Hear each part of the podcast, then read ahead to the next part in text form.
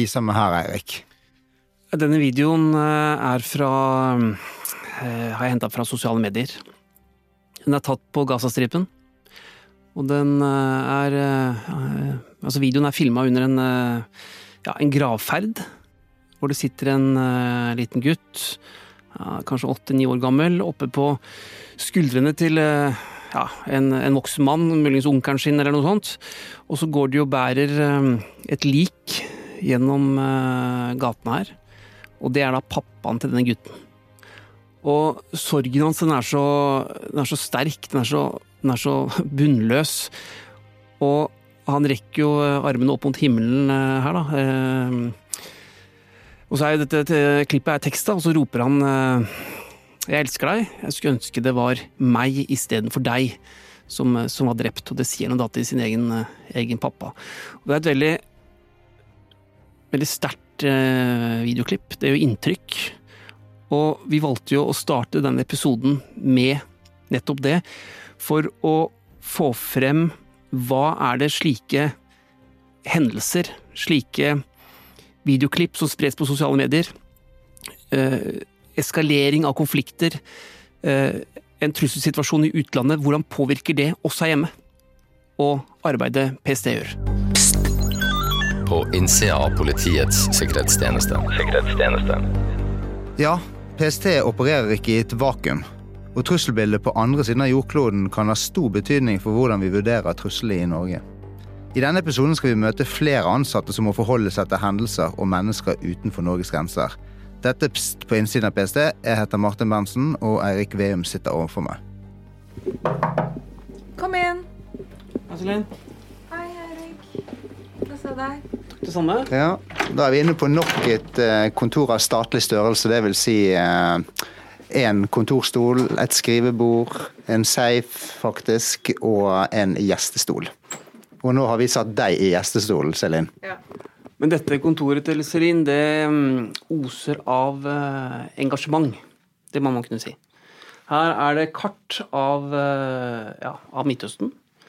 Det er flagg, det er noen plakater med arabisk tekst. Så her er det åpenbart en som jobber, da, deg Selin, som føler og mener mye rundt det vi driver med.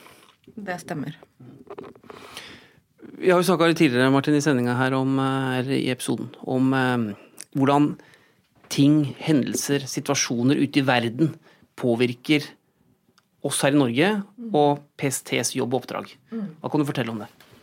Jo, skal vi ta utgangspunkt i en spesifikk konflikt, eller skal vi ta det generelt? Jeg syns vi skal snakke litt om det som skjer i, i Midtøsten nå, ja. På ja. Gazastripen. Er ikke det så folk skjønner ordentlig hva vi snakker om? Er ikke enig, Martin? Jo. jo, det var det vi tenkte. Og du, du, har jo jobbet litt med det siden litt før jul. Har du jobbet veldig mye med det? Ja.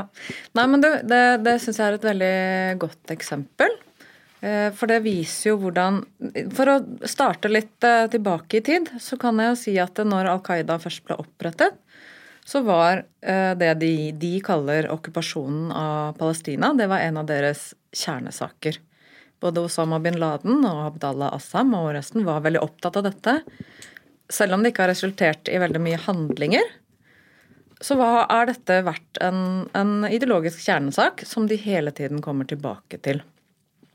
Og det som skjer når denne konflikten blusser opp, det er jo at vi ser at eh, de transnasjonale eller internasjonale terrororganisasjonene, som IS og Al Qaida, nå konkurrerer de om å være mest mulig pro-palestinsk og, å profitere mest mulig på denne konflikten. Og måten de profitterer på, eller prøver å profitere på, det er jo bl.a. å mobilisere sympatisører, også her i Norge.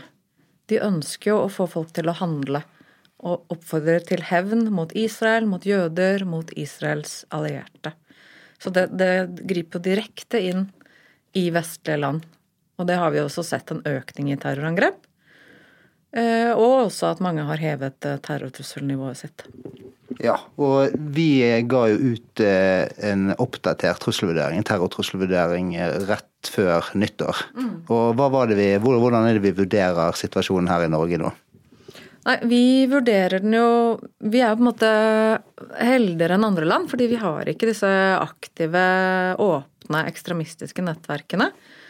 Og jeg personlig tror kanskje vi har en større grad av tillit i befolkningen, både mellom muslimer og jøder og etniske nordmenn og alle mulige.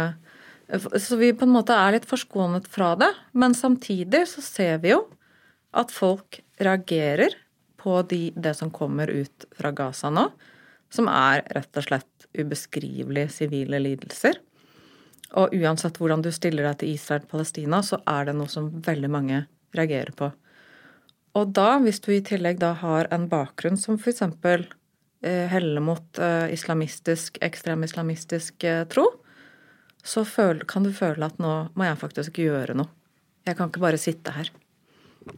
Så um, brutale og voldsomme TV-bilder. Mange blir lei seg, de har lyst til å gi penger, de får kanskje økt sympati med, med de som rammes. Men, men, for noen, da, som du sier, så kan det gå over til at de blir farlige, rett og slett? Rett og slett. Og det så vi også under Syriakrigen. At uh, folk var ikke bare Det var ikke bare at de syntes kalifat og IS var så tøft. Det var også folk som reagerte på det som skjedde med den syriske sivilbefolkningen. Så det er viktig å få med seg at det, det er kanskje det mest kraftfulle eh, mobiliserende som fins. Det er f.eks. barn som dør eller lider. Da. Fordi Du nevnte jo at eh, vi hadde jo en eh, altså Selv om det i Norge her ikke fikk de store konsekvensene, så snakket vi også om at trusselsituasjonen rundt israelske, jødiske og også amerikanske mål i Norge ble skjerpet. Mm. Hva ligger i det? Du, det ligger i at det er egentlig det vi kaller når du tar en konflikt som er regional, som den er. Vi er jo ikke involvert i denne krigen, vi. Og så aggregerer du den opp på et nivå der du sier at dette er ikke bare en konflikt mellom det og det landet. Det er faktisk en konflikt mellom alle jøder og alle israelere og alle vestlige og alle muslimer på den andre siden. Og resultat, konsekvensen av det, er jo at man blir bedt om å hevne seg på Israel, på jøder og på Israels allierte. Og det kan jo da resultere i særlig da at uh, israelske og jødiske mål er spesielt utsatt. Og det har de også vært. På to, bare to måneder så er det fire gjennomførte og flere avvergede terrorangrep mot jødiske og israelske mål. Du er jo uh, leder for uh, analytikere her i din avdeling kontra terror. Hvordan eh, Eller hva tror dere eh, vil skje fremover? Hvordan vil situasjonen i Norge utvikle seg rundt det som nå skjer på Gazastripen? Det vi er redd for, er jo først og fremst disse enslige aktørene som sitter hjemme og, og føler at nå må jeg gå ut og gjøre noe, nå tar jeg denne kniven og går og stikker noen utenfor synagogen eller hva. Det er jo liksom det, det vi er redd for på kort sikt. På lengre sikt så er vi jo redd for at vi skal se en miljø- og nettverksdannelse i Norge, og også på tvers av landegrenser i Europa, og kanskje enda lenger mot Tyrkia og internasjonale terrororganisasjoner, da, som, som bruker dette for å kunne organisere og, og mobilisere sine sympatisører. Har, eh, har, det blitt avverget noen terrorangrep av den eh, karakteren du, du beskriver? Det er jo grunn til å tro det. Eh, det er jo det som er med terror. Hvis det ikke skjer, så, så får vi jo egentlig aldri vite om det kunne skjedd. Eh, men jeg mener at eh, det vi og Oslo-politiet gjorde med en gang dette startet, å rykke ut og, og bevokte de målene vi mente var spesielt utsatte, så tror jeg at vi kan ha avverget både hatkrim, hærverk og i verste fall terrorhandlinger mot f.eks. synagogen. da. Det at det står en politibil der, eller to, eh, eh, ja, så, så, virker det forebyggende. Det er, det er, høyere terskel for å gjøre det. Jeg og Martin satt jo nede i studio og så på noen eh, TV-klipp fra Gaza. Hvor vi ser eh, barn som dør, mm. mennesker som lider. og kan ikke legge skjul på at det, det, gjør, det gjør, gjør, noe med oss, det gjør noe med alle. Men et sted som PST så må man jo være så profesjonell og, og uberørt på mange måter da, for å kunne ta de riktige, gode avgjørelsene. Hvordan, eh, og, og, dere som sitter oppe hele tiden og skal ha analysene eh, oppdaterte og klare. Hvordan greier dere å ha den distansen? Jeg vet ikke om det er riktig å si at vi har en distanse alltid. Fordi sånn personlig sett, jeg har jo vært mye i den regionen og har et personlig forhold til egentlig begge landene. Så jeg vet ikke om det er riktig å si at jeg har en distanse, men det jeg har, er jo en profesjonalitet. At jeg vet hva min rolle er, og at jeg vet uh, hva som er riktig, og hva som er galt i min rolle som PST-ansatt. Uh, så det er vel det, det, viktigste her, tenker jeg. Ja, for jeg tenker Det kan jo være diskusjoner her på huset Eh, hvor man kan ha Alle forstår jo at dette er en ekstremt vanskelig konflikt som har vart lenge, og som det sannsynligvis ikke finnes noen kortsiktig løsning på.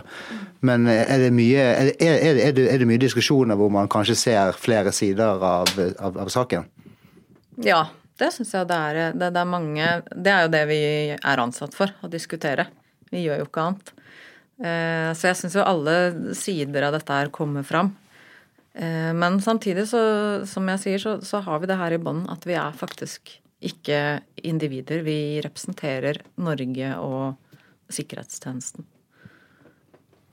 Vi har jo lært deg å kjenne som eh, klar og tydelig, bestemt, ikke minst dyktig jobben din. Men utpå døra di så henger det mm, et bilde av en håkjerring.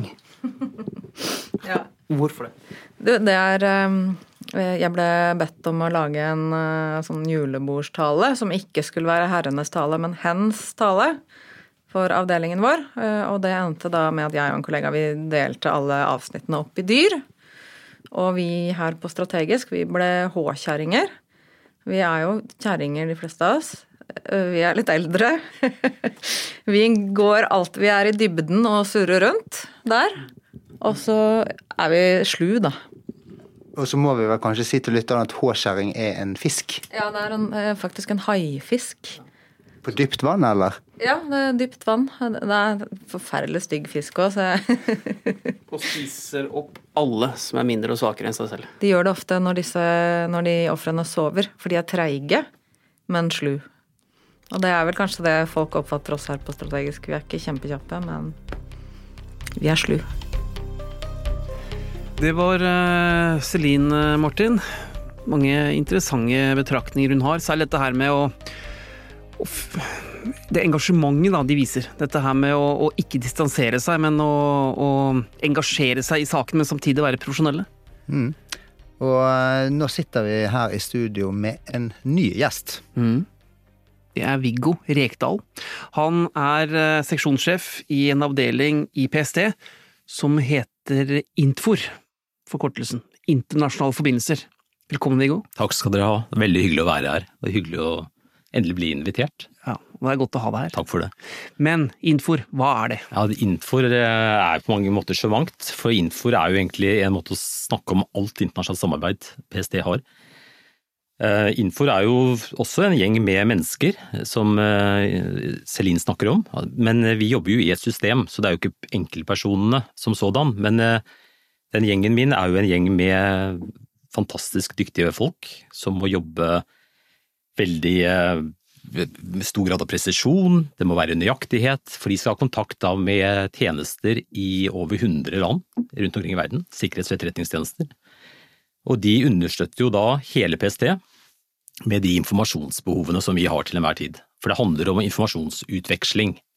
Eh, ellers så hadde det ikke på en måte vært noe behov for internasjonalt samarbeid i bunn og grunn. Men det er veldig mye som skal til for å få det, få det til. Eh, det er veldig mye man må tenke på. Det handler om å styrke relasjoner.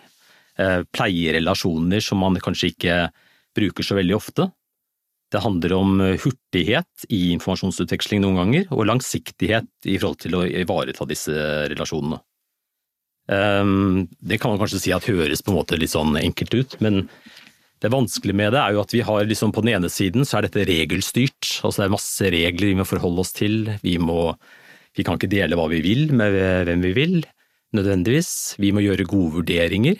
Vi må se på dette med menneskerettigheter, som vi kanskje kommer litt mer inn på etter hvert. Så det var på en måte en sånn det skal være vanskelig å, å, jobbe i PST når vi jobber med ting som har så, sånn inngripen i menneskers liv, og ikke minst da når du kanskje skal snakke om det med andre land. Jeg tenker på det du sier om um, gjengen din. Ja. Altså, eh, og Du snakker om å samarbeide med 100 mm. tjenester. Jeg vet ikke mm. hvor mange land det er i verden. 192 land, kanskje, ja. eller noe sånt. Ja. Så det betyr jo at eh, dere må faktisk forholde dere til store deler av verden. Og da må dere forholde dere til helt andre kulturer også. Det er helt riktig. Så eh, vi har hatt, Når vi har hatt livvakter på besøk her, så har vi spurt de hva slags egenskaper må en livvakter, livvakt ha. Og da tenker mm. jeg, da er det ganske sånn fristende å spørre hva slags egenskaper må en på Intfo ha? Nei, ja, det, altså, det, må jo, for det er jo litt sånn viktig å legge til, at det må være folk som har veldig godt humør, og som gjerne er eh, litt kreative, har litt fantasi, eh, er nysgjerrig på verden, sier seg jo selv. Men øh, kanskje litt sånn utenom det vanlige. Skiller deg kanskje fra den gjengse på en måte PST-ansatt ved at du har en, en, åpenhet for å lytte til andre, en tålmodighet til å sitte og ta den tekoppen ekstra med, med en samarbeidende tjeneste, som vi kaller det, fra kanskje en helt annen kultur. Du må, du må høre folk ut, du trenger ikke være enig. Eh, du trenger ikke være folk som du nødvendigvis ønsker å bli personlig venner med, men du må vise interesse for andre og andres på en måte ståsteder. Hvorfor må PST ha et så tett samarbeid, eller så tett kontakt, da, med eh, sikkerhetstjenester, etterretningstjenester i over 100 land? Altså, hvorfor er dette nødvendig? Vi er helt avhengig av det. Eh, vi er helt avhengig av, og det er jo også egentlig Celine veldig fint inne på, syns jeg, dette med mm, Innenfor terrortrusselen så er jo Norge dessverre definert også som en del av Vesten, av naturlige grunner. Så det kan like godt ramme oss som noe som helst annet land. Truslene vi prøver liksom å avverge eller forhindre eller forebygge, de er jo transnasjonale. Så det, i det ligger det jo det at um, et, en, en enkeltperson eller et nettverk er jo ikke nødvendigvis at det, det, må skje i Norge, men det kan skje i Norge hvis det er mest opportunt, eller det er der på en måte de personene sitter. Eh, vi ser at i eh, veld, så, ja, veldig mange av sakene våre, altså det, det som vi, truslene vi på en måte prøver å gjøre noe med, så er det selv eh, knytninger da til ofte mange land. Vi kan ha En sak som jeg kan huske veldig godt, hadde jo knytninger til over tolv forskjellige land. Eh, ganske sterke knytninger, og som da på en måte egentlig åpnet saker i de landene også. Okay, så, det, så det, det, du forteller nå, det var én enkeltsak i Norge? Det var én enkeltsak. Ja.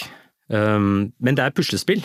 Uh, og jeg er ikke noen sånn stor puslespillmann, jeg har egentlig aldri vært så veldig god på det. Men uh, det er veldig gøy å se at det er et puslespill, for det er ofte etter at vi har delt en liten puslespillbrikke med et annet land, at vi skjønner at det var den lille brikken som gjorde at de så hele bildet, og kanskje kunne da eh, avverge eh, et eh, nært forestående terrorangrep i sitt land. Og det samme skjer jo her eh, i Norge. Vi mottar eh, små biter med informasjon fra mange forskjellige land, fra mange forskjellige sensorer som vi også selv, eh, selv har. Og sammen så ser vi da dette bildet som gjør at vi kommer på sporet av en trussel som er i ferd med å materialisere seg. Hvordan er den eh, kontakten? Altså, ringer dere hverandre, eller sender dere mail, eller har ja. dere samband? Eller? Ja, det er alle muligheter for kontakt, og det er litt tilbake til den fantastiske eh, gjengen min. da. Så er det jo til enhver tid i PST, hvis du har vært oppe i Nydalen, eh, og det er jo du, så ser jo du at vi er i møter på alle mulige måter, i kontakt, løpende kontakt med sikkerhets- og etterretningstjenester i hele verden, mange ganger om dagen. Um, og det er jo da fra helt konkrete saker som vi jobber med, hvor vi er bekymret for at noe kan skje innen kort tid, til det å ivareta relasjonene og se på muligheter for nytt samarbeid. I etterretningsverden så eh, er det ofte, la oss si jeg vet ikke hvordan jeg skal formulere det, men det er en del sånn, mm. hva skal man si, knallharde mm. regler. Altså det er give and take. Mm. Altså For å ha til et mm. godt samarbeid, så må man dele noe for å få noe tilbake. Hva kan, mm. du, hva kan, du, si om den delingen? Jeg tenkte på det der, fordi um, det er på, på en måte riktig. Eh, men det har også kanskje gått litt ut på dato. For mm. i, blant de, våre nære allierte, uh, altså type europeiske, altså hvis du tenker sånn Nato-land, da, mm. så, så, er jo dette et interessefellesskap. Altså det å bekjempe terrortrusselen, det er, en, det er en, en, en, felles interesse som ingen vil på en måte ha det på sin eh, vakt, at ikke de delte informasjon som kunne avverge terrorangrepet et annet sted.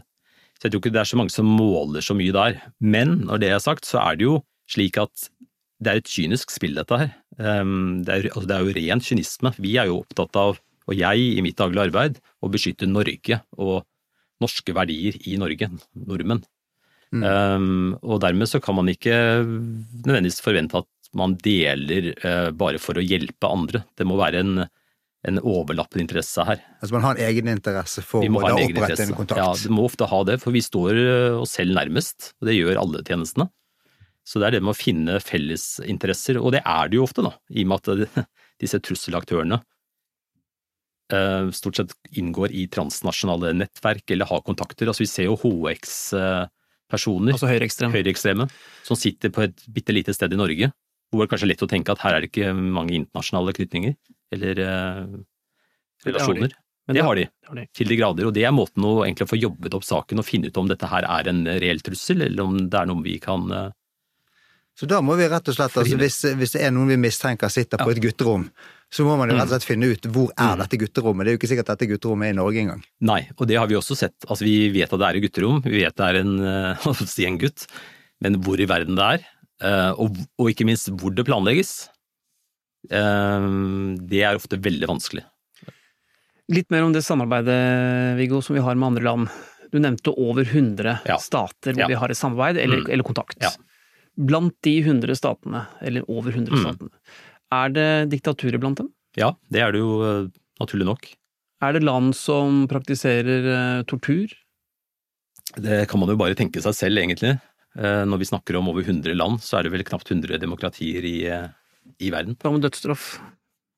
Ja, det blir egentlig også noe man må ta, ta høyde for. Hva tenker du om det? Altså ja. at, at, at du vi i PST ja. Norge samarbeider med land som står egentlig veldig fjernt ja. fra oss på alle måter. Ja, jeg tenker at det er et veldig stort etisk dilemma, som det ikke er noen enkle svar på. Um, hva skal jeg si for noe? Det er Vi føler veldig på det, og det er jo det, kanskje det vi bruker aller mest tid på. Veldig mange av oss har jo bodd og levd og er en har veldig god kjennskap til eh, de eh, regionene og vet dette kanskje bedre enn veldig mange andre. Ehm, det er derfor det hjelper at vi har en, eh, et, et, system for hvor, når vi deler med disse landene.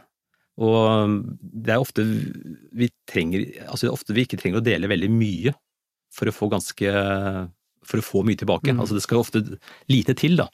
De kan ofte være vel så opptatt av god anseelse, at de får lov til å ha kontakt med med en sikkerhetstjeneste i vår del av verden. Ehm, så vi er varsomme med å dele opplysninger til de, til de tjenestene og i, i, disse landene. det, er lite informasjon som går den veien, egentlig. Ja. Men i PSTs trusselvurderinger så, så, dras det frem en del mm. land, sånn som Russland, ja. Kina, ja. Nord-Korea, som potensielle trusler da, mm. Eh, mot Norge. Allikevel kan vi altså samarbeide med sikkerhetstjenesten deres? Så samarbeid er jo man kan godt bruke et annet ord. Altså, man, kontakt, har, man har kontakt man utveksler visse opplysninger.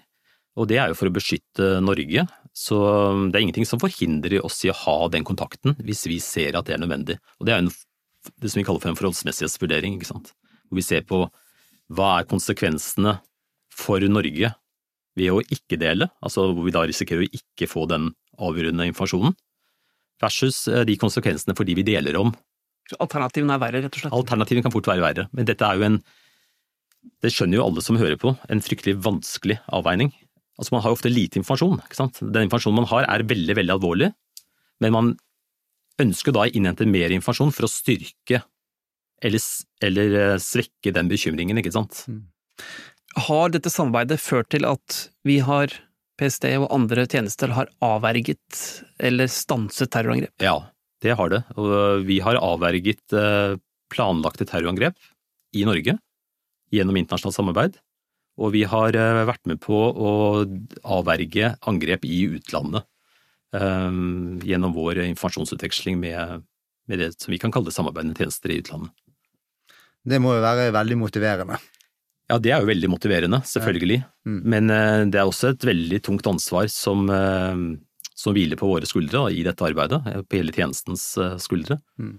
Men det er motiverende når vi ser det fungerer. Det er det et, eh, et, et, forhold vi har til et uh, departement som sannsynligvis er litt lettere enn mm. å forholde seg til diktaturer, er ja. forholdet vårt til Utenriksdepartementet. Ja. Ja. Og der har, du, eh, der, der har jo du noen interesser, eller noen av dine folk som faktisk sitter der nede. Jeg har jo en fantastisk medarbeider som heter Anette Aamodt. Hun har vært der i tre år nå eller sånt nå. Det burde egentlig gå ha en prat med henne. Det vil jeg anbefale. grunnen til at vi er i UD. Vi har jo vært der i veldig mange år nå. og Noen vil kanskje skjønne umiddelbart hvorfor vi er der, men det, det, det er ikke gitt, det. Det jo, handler jo egentlig om at det som vi jobber med i PST, da, som er jo nasjonalsikkerhet, altså trusselbildet i Norge, og det å få gjort noe med det, altså få avverget, forebygget alvorlige hendelser i Norge, det går jo egentlig hånd i hånd med, med sikkerhetspolitikk, i hvert fall i dag, hvor nærområdene våre har blitt utrygge. Eh, lenge var, var, jo på en måte nærområdene våre veldig trygge. Vi var jo en, en slags sånn dyp fred. Mm. Men eh, etterkrigstiden er jo på mange måter over, så det å ha et tett og nært samarbeid med UD innenfor alle våre fagområder, det å forstå dem og hva de jobber med, kunne understøtte dem, og også lære å få helt konkret informasjon fra deres arbeid over hele verden, er helt avgjørende for oss.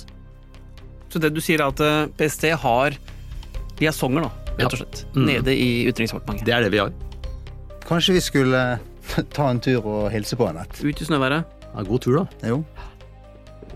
Hvor står vi nå, Eirik?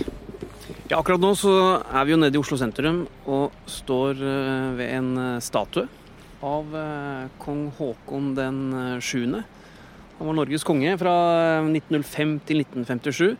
Og hvis vi snur oss litt, så ser vi jo rett på et av landets eller kanskje et av verdens fineste bygg. Victoria terrasse. Det er utrolig flott. Og får litt sånn spesiell følelse av å stå så tett innpå og se på den flotte fasaden. Det er jo ikke bare en flott fasade, men den, det har jo skjedd en del ting der. Hva var det som skjedde her under krigen? Ja, altså det bygget her var jo, sto klart da i 1890. og og ble brukt til ja, Det bodde jo folk her, det var jo leiligheter. Men, men under andre verdenskrig så kom da det tyske sikkerhetspolitiet inn her. Det var ikke mange ukene etter at uh, Tyskland invaderte Norge, før de var på plass. Og i det tyske sikkerhetspolitiet de hadde en avdeling som ble kalt Gestapo, som mange kjenner. Det hemmelige politiet. Og i kjelleren her på Victoria terrasse så fant det sted gjennom krigsårene noen torturtilfeller som, uh, som er noe av det groveste som, som nordmenn og, og, Norge opplevde under de, de fem krigsårene. Men etter krigen så etablerte faktisk POT, altså det som da i dag heter PST, seg her. De hadde kontor i Victoria terrasse, og det hadde de helt frem til 1978. Da de flyttet inn i flunkende nybygg eh, på Grønland. Eh, så eh, her er, det jo, her er det jo kanskje gode grunner for at vi kan få slippe inn. Mm, ja, og ja, på Grønland, det var der du også begynte? Det var det som var kalt Hysjloftet? Ja, det var de øverste etasjene. Det var vel, hvis jeg husker riktig, åttende og niende etasje, tror jeg. Og Da måtte du hilse på en mann som satt i et glassbur, og han måtte kjenne deg igjen, og da slapp han deg inn ståldøren. Litt andre tider, da. Ja, men At overvåkingspolitiet var her, det er jo i og for seg spennende. Sammen da med, med det øvrige politiet da, her i Oslo, som, som gikk da inn i, i uh, Victoria terrasse og, og, hadde kontorene sine her. Så da har vi også en slags forankring hit. Da. Det, altså, det er jo historie for oss også, som nå jobber i PST. Ja, men Da får vi se om de slipper oss inn. Ja, for her inne så jobber en av våre. Og det er hun vi skal møte nå. Der åpner døren seg. Hallo, hallo. Hallo, hallo. Hei. Kom inn. Kom inn. Ja. Og du er kald. Hallo. Se deg, like blid som alltid. Klemmer. Ja, ja. I hvert fall deg, da. Ja. Koselig klem i arbeidstida. Ja, vi må vel ha noen kort her. Ja, dere må ha uh, noe ordentlig legg. Ja. Okay. Hei. Hei. Jeg har meldt inn uh, disse to. Jeg heter Anette Aamodt og er uh, PSTs liaison til Utenriksdepartementet. Jeg har jobbet i PST i snart uh, ti år, og jeg hadde jo faktisk ditt kontor, Eirik, og jobbet som seniorrådgiver på kommunikasjonsenheten. Det forklarer jo alt det rotet i, eh, i, skapet, eller i skapene. Så du dro fra det. Men du, Anette, hva gjør du her? Hva, hva er din jobb? Min jobb her er jo å være et bindeledd mellom PST og Utenriksdepartementet. Og i det så ligger det jo masse forskjellige oppgaver. Eh, og kanskje overraskende mange felles eh, berøringspunkter mellom de to tjenestene også. Du fikk jo en voldsom start. Ja, vet du at jeg tror ikke jeg kunne vært her på et mer interessant tidspunkt egentlig enn det jeg har fått være her på. Fordi jeg startet to uker før eh, invasjonen av Ukraina, så det blir snart nøyaktig to år siden. Og etter det så var det jo først Ukraina som satte, og invasjonen som start, satte et sterkt preg på arbeidet, naturlig nok. Eh, 15 15 russiske eh, diplomater, for, eh, fordekte etterretningsoffiserer, ble erklært uønsket.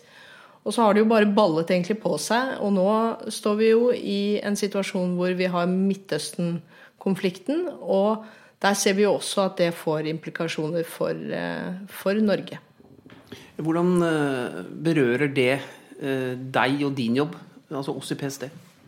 Altså Noe av min jobb er jo på mange måter å formidle informasjon. Så selv om jeg ikke jobber som en kommunikasjonsrådgiver lenger, så føler jo jeg at jeg jobber med å kommunisere på PSTs vegne, og vice versa. Og det er jo ikke sånn at internasjonalt arbeid foregår i siloer. Så vi prøver etter beste evne å bekle de fra Utenriksdepartementet med eh, det vi mener er relevant eh, og nødvendig informasjon. Eh, og vi tar også imot informasjon fra de. Og så sier vi hva dette her har av konsekvenser, sånn som Midtøsten-konflikten, for Norge. Sånn at når UD møter på vegne av Norge altså De møter jo ikke på vegne av Utenriksdepartementet, de møter jo på vegne av Norge i internasjonale møter. Så vet de også hva ståa er i eget land. Men eh, hvordan er det når du kommer på jobb?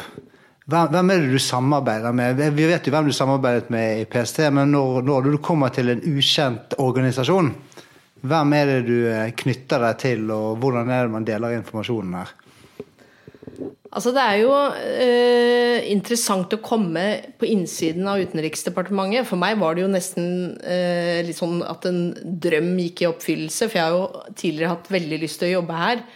Eh, men det naturlige opphenget til en eh, liaison fra PST til UD er jo i sikkerhetspolitisk avdeling. Og det er jo der jeg har mine såkalt foresatte. Eh, og innenfor sikkerhetspolitisk avdeling så eh, handler det jo om nordområdene, det handler om Øst-Europa.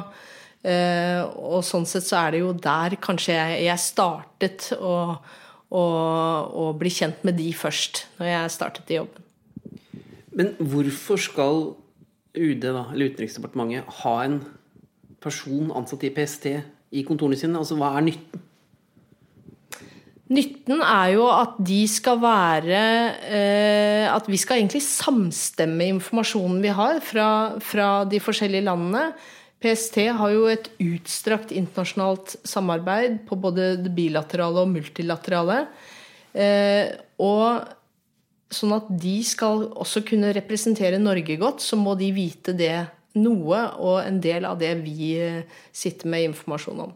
På en annen side så er det jo sånn at PST bistår UD i besøk til Norge av, av, visst, eh, av, et visst nivå. sånn at når det kommer f.eks. statsbesøk fra andre land, så er vi involvert.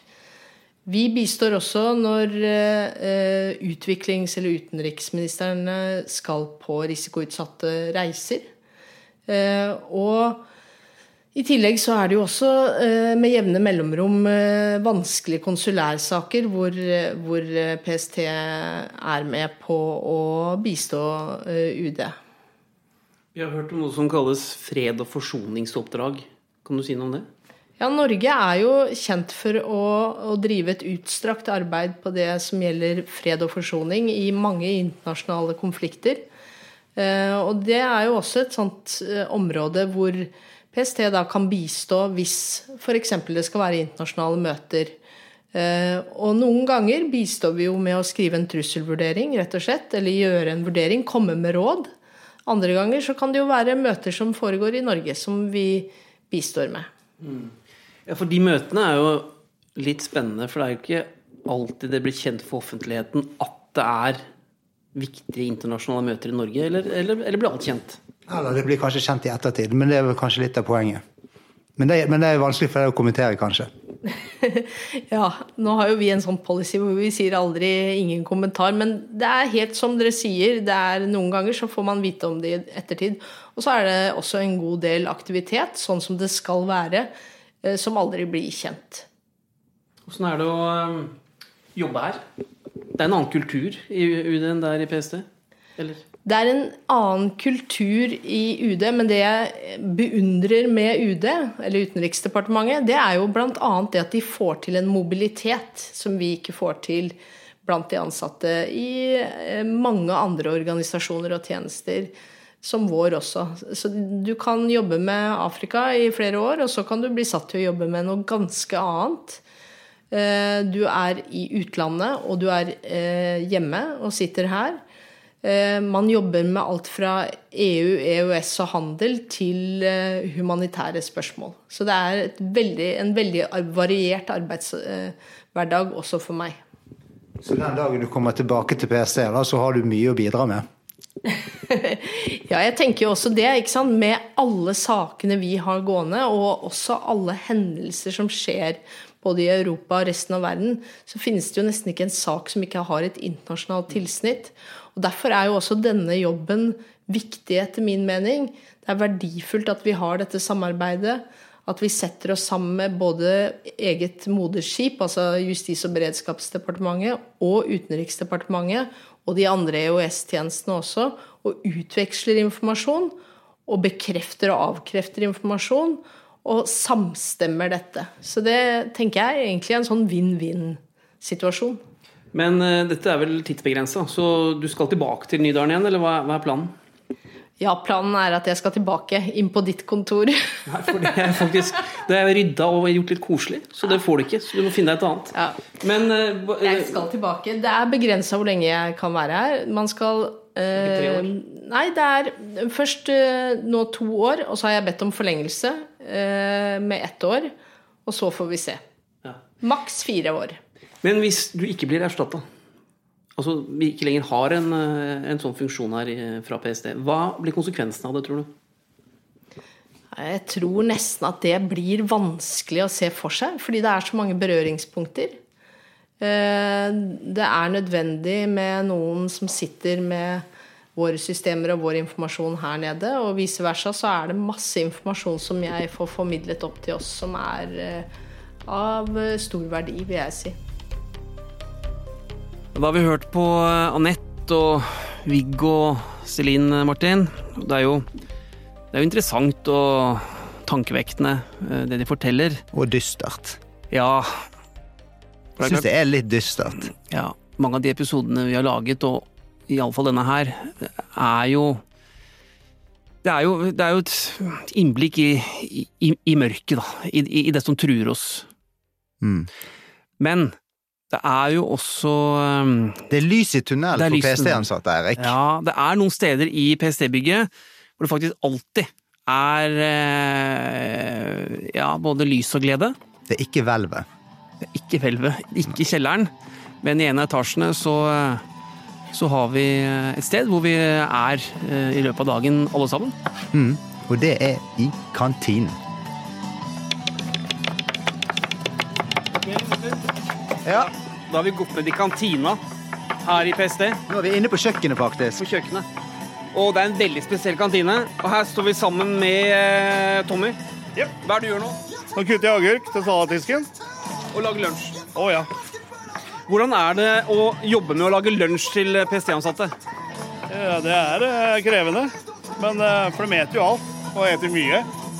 Så vi må produsere veldig mye. Uh, Filip. Hei. Er. Yes. Er alle som kommer ned her, blide og hyggelige? Stort sett. Stort sett så er de blide og hyggelige. I hvert fall etter en god kopp kaffe. Det er alltid musikk her. Yes. Det spilles høyt, og det er alltid 80- og 90-tallsmusikk. Hvorfor det? Nei, fordi vi har en lik musikksmak oss imellom, og vi er litt, litt rare i huet, så da må vi ha litt rar musikk. Man tenkte kanskje at en eh, PST-kantine er veldig sånn formell og stiv og sånn, men sånn er det ikke her. Ikke i det hele tatt. Vi, vi er vel den uformelle delen av det formelle huset, så her skal folk få lov til å senke skuldrene sine og slappe av i to minutter. Ja, jeg blir sulten og glad nå, Eirik. Det er et veldig spesielt uh, stemning og miljø her. Vi går til uh, kantinesjefen. Roy. Hei. Velkommen. Takk. Hva Så er, fint besøk. Hva er lunsjen i dag? Du, I dag er det fredag. Og fredag så er det tradisjon her på PST at vi har grøt. Så i dag har vi to forskjellige grøttyper. Vi har risgrøt og rønnegrøt. Og selvfølgelig så har vi laget litt eh, hjemmelaget eh, fruktsalat. Vi hadde mye frukt igjen som vi måtte bruke opp. Det er alltid litt hyggelig å få litt noe søtt på en fredag. Og så er det jo selvfølgelig vafler. Ja, Det er, hver det er alltid hver fredag. alltid hver fredag. Og så er det litt sånn godsaker i buffeen. Det er litt eh, eggerøre, spekemat. Annenhver helg så har vi røkelaks. Fantastisk stor buffé med salater som vi også lager selv her på huset. Hvorfor er det viktig med å ha en, en sånn kantine med en litt annen stemning enn det som er ellers i huset? Kan ikke bare folk ha med seg matpakke og spise på kontoret? Det kan de helt sikkert, men eh, det er mer hyggeligere å komme ned og sitte og snakke med kollegaer over hele huset. Høre på god musikk, slappe av, ta de 30-40 40 minuttene og være helt utenom det som de ellers er, de lokale som er. Og sitte seg ned og snakke og spise og ja, chille helt rolig her nede sammen med oss. Litt humor og litt gøy og ja. Og musikk. Og musikk. Veldig viktig. Musikk er veldig viktig. Jeg tror nok det er en del også, som jeg husker fra min egen når kantinen her startet, så la jo alle på seg. Det, spesielt om fredagen så var veien ut etter to vafler og rømmegrøt og laks. Det, det satt i kroppen. Vi har fått nok å høre av folk som har fått fra legene sine at eh, de har fått beskjed om kolesterolet deres gått litt kraftig opp, og at de må stoppe å spise så mye. Så det er veldig mange som går over til grønn salat. Det er jo hyggelig å se også. Ja. ja, Erik, nå koker det her i kantinen. Ja, nå er klokka blitt kvart over elleve, og da, da, er det alltid mye folk her. Så nå er det kø utenfor, og eh, alle bordene er nå fulle. Hvis vi ser oss litt omkring her nå, så eh, ser vi at eh, man setter seg avdelingsvis. Så vi ser jo ett bord, så er det kontraterrorgjengen som sitter. Kontraetterretning har satt seg et annet sted. Det er juristene sitter her. Folk fra HR-avdelingen, det er noen spanere. Altså alle mulige folk fra hele PST er kommet hit nå for å, for å ha lunsj. Ja, men hvordan er det dette her? Dette er vel ikke gratis? Overhodet ikke gratis. Eh, vi trekkes jo lønn. Det er eh, noen hundrelapper i uka, så, eh, og så må det være, selvfølgelig. Og når man begynner å jobbe her, så må man fylle ut et skjema. Ja, Hvordan gikk det, Eirik, denne skjemautfyllingen din? Ja, altså Jeg var ikke klar over det skjemaet. Så jeg, spiste, jeg betalte ikke for den lunsjen jeg ganske lenge. Faktisk Et år, kanskje? Ja, det var faktisk mer enn det. Og så var det en som sa til meg at det skal stå på lønnsslippen. da en sånn liten sum, eh, eller en sum da, som man har betalt, eh, betalt i lunsj, eller i lunsjpenger. Det var du som sa til meg, og jeg begynte å sjekke lønnsslippen og fant jo ikke den. Eh, Febrilsk lette du etter dette trekket, og det var ikke. Men hva skjedde da i, i ærlighetens navn, Eirik? Jeg ringte ned til økonomi, altså økonomikontoret, og sa at jeg tror kanskje ikke at jeg betaler lunsj. Og der møtte jeg en en ganske bestemt uh, ung dame som sa at uh, ja, nei, det er helt sant. Så fikk jeg valget om jeg ville betale alt på en gang, eller om jeg ville ta det og dele opp i rater. Men jeg sa at jeg tar alt på en gang. Så for å si det sånn, jeg fikk ikke så mye lønn nå i januar. Men nå, la oss snakke litt om noe annet, for her er det sånn at alt skal spises opp. Så hvis vi går litt opp her nå, opp til oppvaska, så ser vi at her står jo folk da og sorterer. Og så er det en egen, eh, et eget eh, område hvor man legger alt matavfallet. Så all mat man ikke har spist opp, det blir veid og registrert. Og hver dag når vi kommer for å ha lunsj på nytt, så står det hvor mange kilo mat vi har kastet av vi som jobber her. Så, der, der, har vi sikkert litt å gå på, Erik. For du, er du Kaster du mat der? nei, spiser du opp? Nei, jeg kaster aldri mat. Men det er noen andre som gjør det. Som ikke spiser opp maten sin og som forsyner seg med litt for mye. Så uh, Ingen kommentar. Sånn er det. Vi lovet jo å ta lytterne våre med helt inn på innsiden av PST, Martin. Så det har vi jo løft, løfta vi holdt. Ja, vi pusher grensene for hva, hvor langt inn på innsiden vi skal komme, så jeg vet ikke eh, om vi kommer noe lenger inn. Ja, Det må da bli garderobene til treningsrommet, men vi skal kanskje ikke dit? Nei, dit skal vi ikke. Absolutt ikke. Nei. Men eh, hva, hva, skjer i neste podkastepisode, Erik? Hva er, hva er planen din? Vi har eh, noen eh, ideer, Martin, som vi må diskutere når vi får tid. Det neste store som skjer nå i Politiets sikkerhetstjeneste, det er Den nasjonale trusselvurderingen? 12. februar. Sammen med Nasjonal sikkerhetsmyndighet og Etterretningstjenesten. Mm. Så Den må lytterne våre følge med på. Da kommer vi til å være ute og fortelle om våre vurderinger av sikkerhetssituasjonen og trusselsituasjonen i Norge. Det neste året fremover. Absolutt. Så jeg, jeg, jeg, tror ikke vi skal eh, jeg, tror ikke vi kan si hva vi skal lage neste gang, men eh, det blir en neste episode eh, om et par uker. Det er helt sikkert. Ser du noe, si noe. Men bruk sunn fornuft. Kontakt oss på pst.no.